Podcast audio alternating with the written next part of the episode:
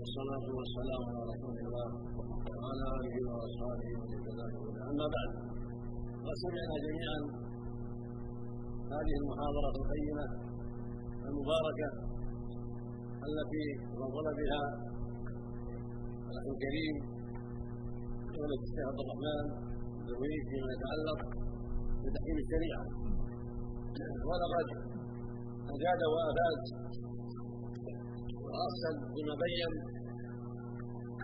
من وجوب تحقيق الشريعة وأن الشريعة هي طريق النجاة وسبيل السعادة وأن الله سبحانه هو الذي تفضل على عباده بأن ألزمهم بتحكيمها لما فيها من مصالحهم العظيمة وحياتهم السعيدة ونجاتهم في الدنيا والآخرة. كما أوضح أن حاجة الناس إلى تحكيم الشريعة أعظم وأجد من حاجتهم إلى الطعام والشراب لأن قصارى أمرهم إذا فاتهم الطعام والشراب أن يموتوا والموت لا بد منه. لكن من فقد الشريعة وعاد عنها واتبع غيرها فنهايته العذاب السرمدي والعاقبة الوخيمة فلا فلا فلا ثواب.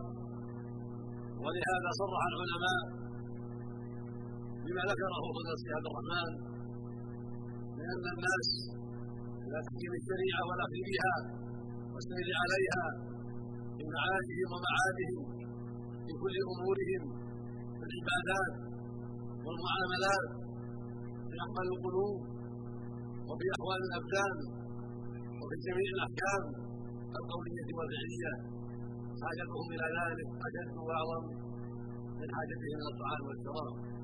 ومن صرح بذلك العلامة ابن القيم رحمة الله تعالى في كتابه مفتاح دار السعادة وفي غيره.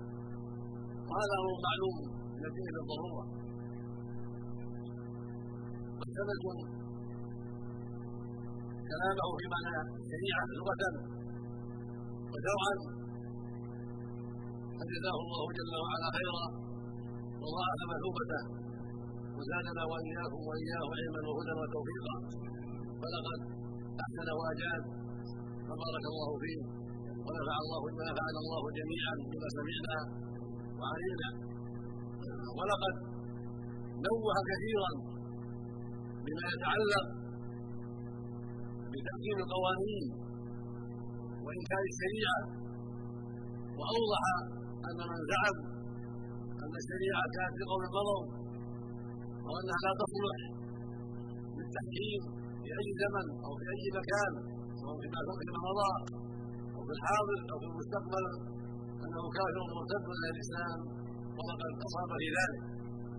وكل من زعم أن الشريعة المحمديه غير صالحه لهذا الزمان أو لزمان مضى أو فيما ياتي أو زعم انها ناقصه وأن القوانين أولى منها يعني القوانين البشرية التي وضعها الناس من زعم أن هذه القوانين التي وضعها الناس أجمل وأحسن من شريعة الله أو زعم أنها تساوي وتعادل شريعة الله.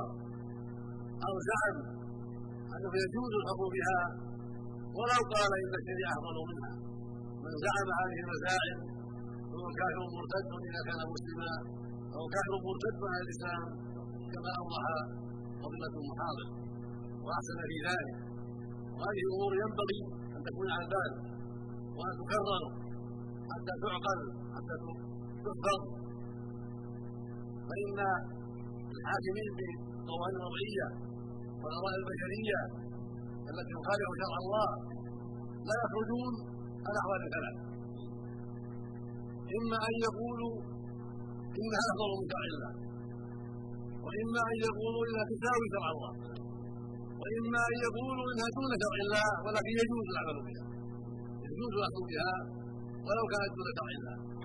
فعلى كل الأقوال الثلاثة من قال هذا فهو كافر كل الاقوال الثلاثة.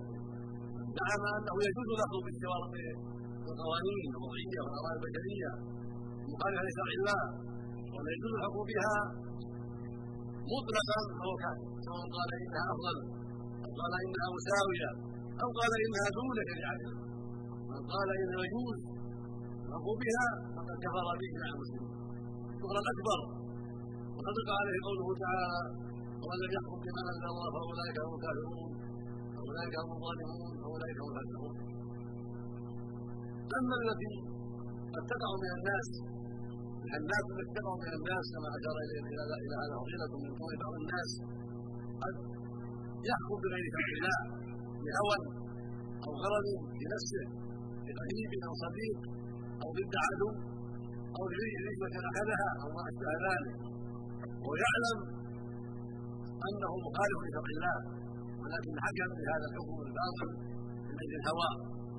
هذا حتى كبيرة عظيمة ووصف بأنه ظالم ظلم دون ظلم وكافر كفر دون كفر وفاسق فسقا دون فسق كما قال ابن عباس في المعنى وقال طاووس وكائن غيره يعني أنه حكم بغير الشريعة لكنه يعلم أنه ظالم يعلم أنه فاسق يعلم أنه مخطئ يعلم أنه قد خالف الشرع وأن هذا لا يجوز له.